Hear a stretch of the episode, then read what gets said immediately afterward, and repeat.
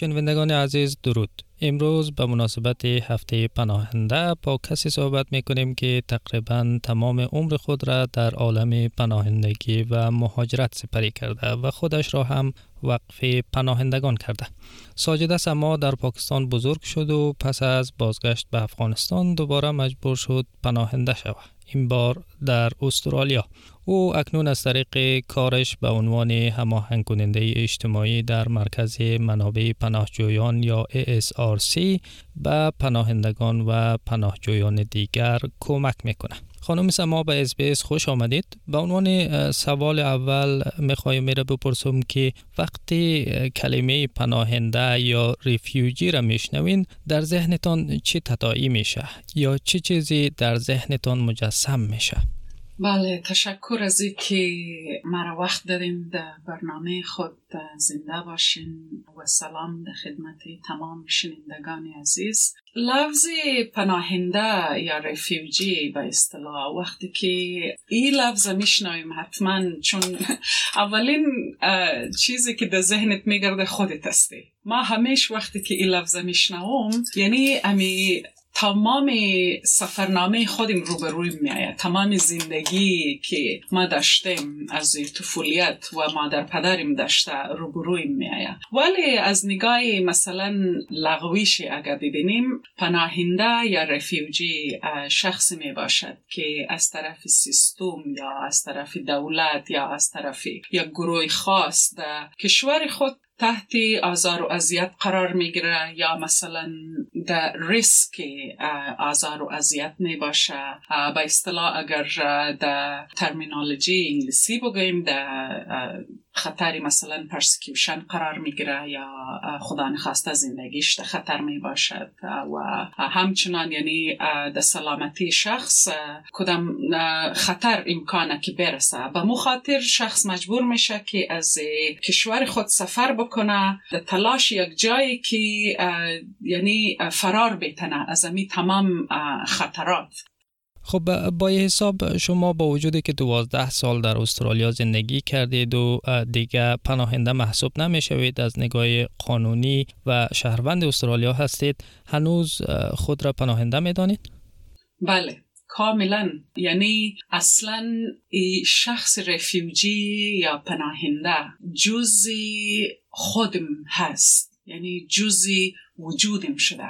یعنی هر وقتی که انمی لفظ دمیان میایه ما اصلا خودم می‌بینم که ما کی هستم. و بعد گردوبر خودم می‌بینم فامیلای خودم می‌بینم برادرای خودم می‌بینم دوستای خودم می‌بینم. بسته community و آلی که مثلا همراه Asylum Seeker Resource Centre کار می‌کنم. هزارها نفرای دیگر می‌بینم. یعنی کل ما پناهنده هستیم. کلگی ما دمو یک سفر قرار داریم کلگی ما دمو یک راه روان هستیم ولی البته در مراحل مختلفش.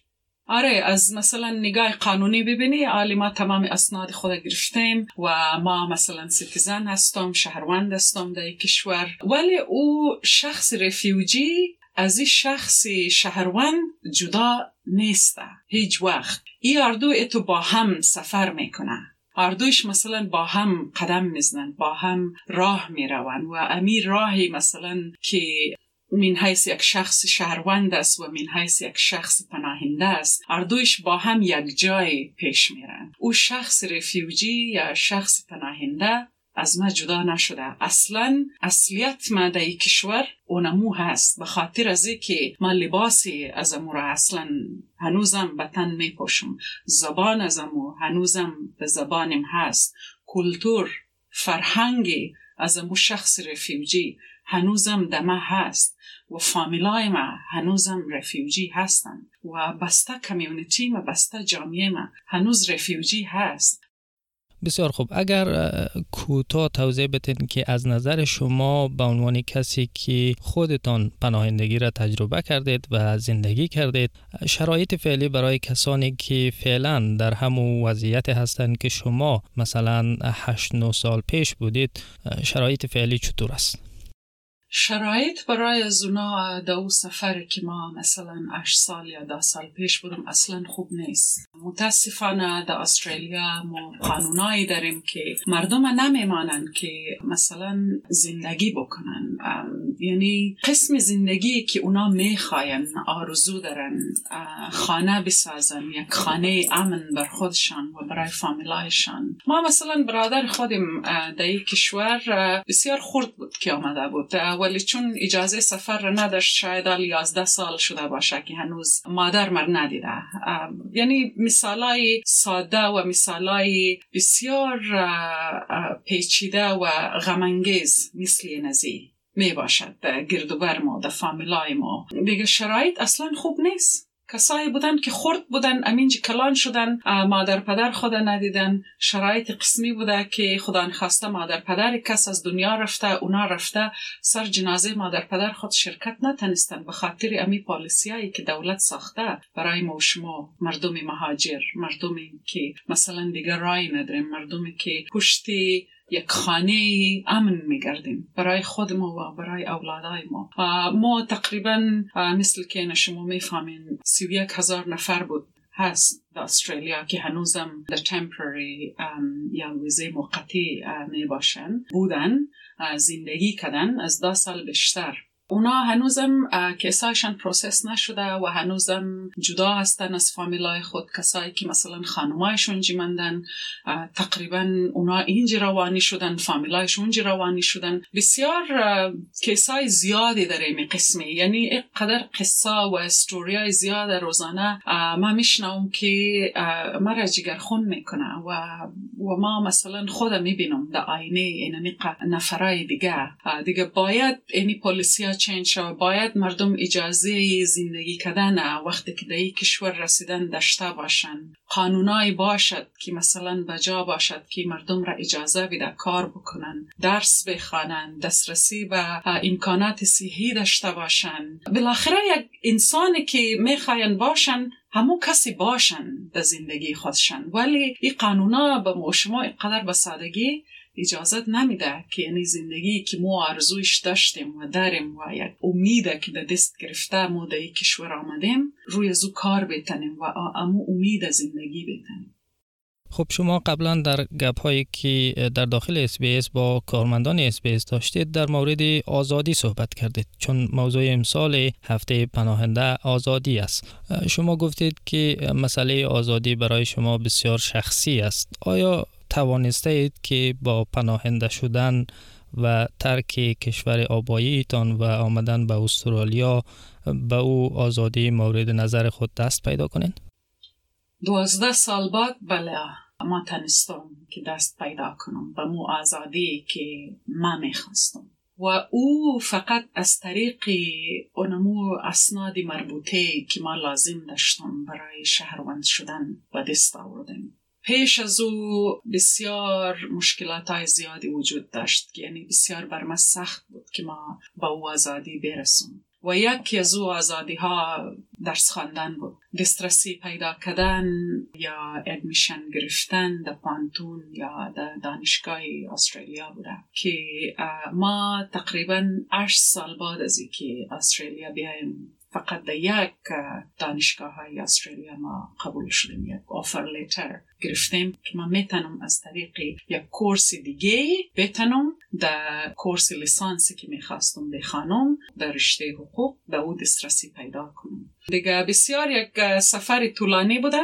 ولی بله ما آلی به اعتماد می‌تونم بگم که به مو آزادی که ما می‌خواستم برسم در کشور رسیدم. ولی با چالش های بسیار زیاد دوچار شدم. در سفر در دسترسی داشتن به آزادی که ما امروز دارم. و مخاطر آزادی بر ما بسیار ارزش داره بسیار ارزشمنده و خاطر از که ما به خاطر از آزادی همراه خود جنگیدیم همراه فامیل خود جنگیدیم همراه مردم خود جنگیدیم همراه مردم بیگانه جنگیدیم همراه سیستم سیاسی استرالیا و سیستم حقوقی استرالیا جنگیدیم. یعنی از شروع تا اخیر دست آوردن از این آزادی فقط به اساس جنگ بوده.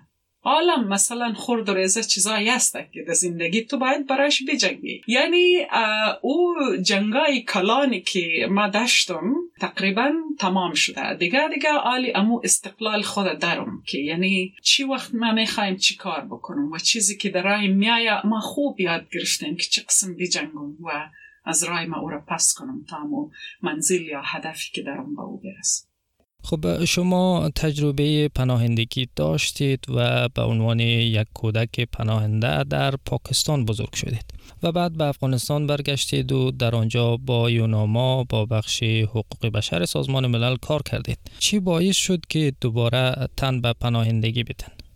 ما فکر می‌کردم وقتی که انسان کلان میشه اونو وقتی که مثلا استقلالی به دستت میای وقتی که کودک هستی فکر می‌کنی هر چیز به اجازه مادر پدر خب یعنی وقتی که کلان شدی دیگه زندگی به دست خودت است ولی در این جرنی یا مثلا در این سفر کلان شدن ما ما فهمیدم که کلانتر شده رفتی مخصوصا اگه زن باشی زندگیت سختتر شده میره اون زمو وقت ما حس می‌کردم که زندگی ما خو یعنی ما یک, یک آرزو داشتم که کلان شو مثلی مثلا مادرم باشم یا مثلی مثلا خالم باشم هر جای میتنه بوره هر کار دلش مور میتنه بگه که اینی کار را بکو اینی کار را نکو. ما هم که کلان شدم اونمو تو یک آدم مشم که مثلا اختیار زندگی یا امو صلاحیت یا زیر می داشته باشم که زندگی خودم در دست خودم باشه. ولی وقتی کلان شدم ما فهمیدم که نه قسمی نیست. هنوز کلانتر شدی؟ ای ها بیشتر شده میره. مثلا تو بیشتر یعنی تحت کنترل دیگرها قرار می‌گیری. مخصوصا من حیث یک زن. اونو وقتی که بود که مثلا ما فهمیدم که ما باید یک جای دیگه باشم که دیگه اینالی از کودکی خو کشیدی خدا. رفتی کلان شدی. بعد از کلانی یعنی کجا؟ باید یک زمینی باشه یک سرزمینی باشه یک جایی باشد که اونجا تو من حیث زن یا من حیث یک کلانم بتنی زندگی بکنی و زندگی آزاد. خب آمدیم زمانی بود که طالبا رفتن و امریکایی آمد افغانستان. دیگه شرایط قسمی شد که ما باید برگردیم پس افغانستان. ما بسیار به مشکلی را پیدا کردم. کار بکنم اجازه کار را داشته باشم همراه ملل متحد. و خوشبختانه همراه بخش حقوق بشر که یعنی کسی که مثل ما دمو تلاش یک راه بود بسیار بر ما کمک کرد که من حیث یک بشر حقوق ما چی هست؟ یعنی ما همراه از این بخش کار می‌کنم و اهل حق زندگی خدا ما در وقت نداشتم. ولی ما فقط من حیث کار اونجا کار می‌کردم. نه ای که مثلا ما اختیار از را داشته بودم که یعنی بسته کنترل زندگی دست خودم بوده. از اونجا ما فهمیدم که بشر یعنی کی؟ حق یعنی چی؟ و چی راههایی وجود داره که باشه که بالاخره امی بشر را به مو حقش برسانه اون از اونجا باز ما یک کم چشمای مواستر شد. فهمیدم که مثلا قانونای دیگه است که به یک زن اجازه زندگی را میده. سرزمین های دیگه است که مثلا یک زن اونجا می‌تونه زندگی بکنه. آلی قصه مهاجرت مثلا یک طرف. ولی من حیث زن بله مثلا خوشبختانه یا مثلا چیزی بگم از نگاه سفر مهاجرت بدبختانه. خب رسیدیم در استرالیا. اینمی یک یک خوابی بود در دلم که مثلا ما در یک سرزمینی باشم که من حیث یک زن ما اونجا آزاد زندگی بتنم و این بسیار یک رای طولانی و دشوار بوده برای ما. یعنی ما که یادم میایه ما از کودکی در می سفر بودم تا کلان بعد از کلانی تا کجا؟ از اونجا باید ما رای خود پیدا می‌کردم. ما بسیار یعنی چیزا رو یاد گرفتم. طولی از پروسه طولی از سفر طولانی که داشتم. دیگه به مخاطر یعنی ما فقط هیچی نمی‌خواستم. فقط می‌خواستم زندگی بکنم. یعنی به اصطلاح معنویش نه فقط مثلا نان بخورم لباس بپوشم نفس بکشم. یعنی به اصطلاح معنوی ما پشت زندگی و یک زندگی آزاد بسیار خوب. اگر از دوران زندگی خود در پاکستان بگویید زندگی در پاکستان چطور بود؟ زندگی در پاکستان خورد بودیم. زندگی پاکستان ساده بود چون نمیفهمیدی دیگه قدر. فهمیدن ام یک درده نفهمیدن ام یک درده. دیگه وقت که نمیفهمیدی زندگی آسان تر بود. بسیار یک جای خورد بود که ما زندگی می‌کردیم. مثلا کویتا. اونمو کمیونیتی اونمو هزاره هزاره ها زیادتر که من خودم هم هزاره هستم. اونجا زندگی می‌کردیم. زندگی ساده بود. چیزی که ما یادیم میایه زیاد از پاکستان غربت که بسیار غریب بودیم. یکی دویم زندگی ساده بود و هیچ چیزی تو پیچیده نبود. تنها مثلا فکر که داشتی ای بود که پیسه داره یا نه؟ یعنی مادر پدر تو پیسه داره یا نه؟ که فلان چیز در تو خریده بیتنه. یا من حیث یک دختر ما فلان کالا را خریده بیتنم یا مثلا یعنی شوقای دخترانه خود پورا بیتنم. فکر تنها فکر غریبی بود. و فکری مثلا یک آرزو بود. آیا پیسه هسته که اینی آرزو ده دست بیایه و پیسه هسته که او آرزو به دست بیایه. بعد وقتی که کلانتر شده میری آرزوهای هم امرایت کلان میشه و فرق می‌کنه که باید نه تنها پیسه باشه بسیار چیزای دیگه باید باشد که ی آرزو تو به دست آورده بیتنی خب میشه به طور خلاصه سفر خود را به استرالیا برای ما تعریف کنین که چطور به استرالیا آمدین. ما وقتی که آمدم در استرالیا از طریق بورسیه تحصیلی آمدم student ویزا وقتی که ما همراه UN همراه بشر کار می‌کردم. از اونجا ما خبر شدم که یک بورسیه هست به نام Peace Scholarship for Afghan Women در او زمان. و ای بودیجه ازی از طرف UNIFEM استرالیا فراهم شده بود. UNIFEM ی که در بخش حقوق زنا کار می‌کنه در بخش ملل متحد. خب ما از طریق از این مؤسسه scholarship یا بورسیه ر به دست آوردم. بسیار سختیا ر کشیدم تا که مثلا امو تمامی به اصطلاح چی بگم requirement یا چیزایی که در کار بود برای از scholarship یا بورسیه او اسنادا ر به دست آورده بیتنم چون ما یک قسمی کلان شده بودیم که دیگه نه پاکستانی بودیم نه از خود افغانستان گفتم شدیم. در افغانستان وقتی که ما پس آمدم مردم مرم گفت تو پاکستانی وقتی که ما در پاکستان بودم مردم مرم گفت تو افغانی تو فارسی استه پرژن از ایران استه. یعنی هیچ وقتی تو نبود که تو یک کسی باشی. خب به هر صورت بسیار سخت بود.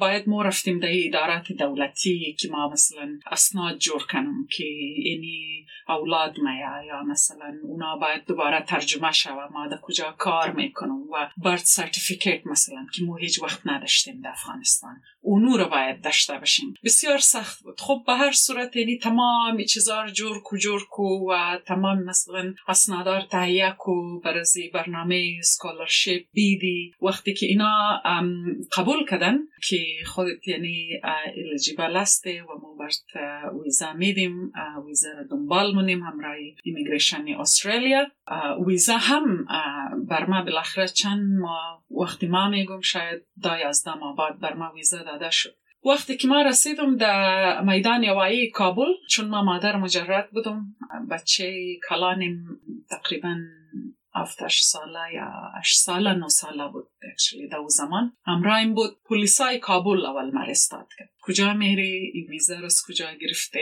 پاسپورت کجای ای گپا دیگه مر به یک طرف کنار شند. ای پاسپورت و اسنادای مر گرفته رفتن اینا گمشتن ما ازی می ترسیدم که ما شاید دیگه flight خودم miss کنم دیگه. شاید ما پرواز گرفته نتنم در وقت. خب به هر صورت اینا وقت که آوردن اسنادای مر دادن ما تو احساس می‌کردم در بسته سفر کسی پشت ما هست که مر نمیمانه چون امو در یک محیطی سختی که قرار می‌گیره که من حیث زن مثلا تو اجازه نداره بسیار کارا ر انجام بدی. شامل از که مثلا تو جایم رفتن نمی‌تونی امی حس در پشت ذهنم بود که کسی هست که از پشت میایه.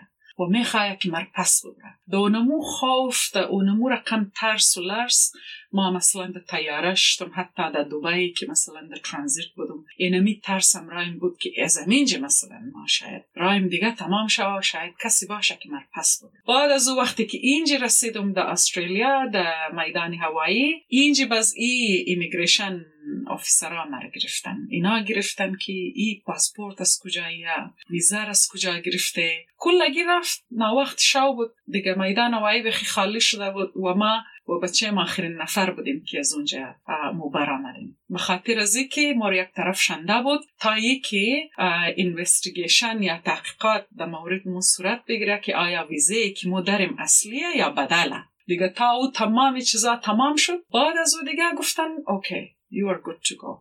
بسیار خوب متاسفانه. وقت کم داریم. اگر به طور خلاصه بگویید که در هفته پناهنده چی پیامی برای پناهندگان و پناهجویان همزبان و همتبارتان در استرالیا دارید؟ حوصله و امید. از دست ندیم. پیام ما اینمی هست. ما دیدیم که چه قسم مثلا مردم حوصله و امید خود از دست دادن و به خاطر از زندگی خود از دست دادن. مثلا کسایی بودن که در درگز مثلا رفتن عادت کردن معتاد شدن. کسایی بودن که چیزی کم دیوانه شدن. کسایی هستن که مثلا دیگه نمی‌خواین که زندگی بکنن چون زیاد دیر از این فامیلای خود دور بودن. دیگه پیام ما برای دیگه پناهندگای همزبانیم اینمی هست که ما امید و حوصله باید داشته باشیم و هدفی که داریم روی زمو کار بکنیم. یعنی خود از دست ندیم. وقتی که خود در دست داشته باشیم هر کار برای آینده خود یا آینده روشن خود مو میتنیم. لحاظا بسیار مهمه که ما امید داشته باشیم. بسیار خوب. خانم سما یک جهان تشکر از اینکه آمدید و با ما هم صحبت شدید و موفق باشید. تشکر زنده باشید.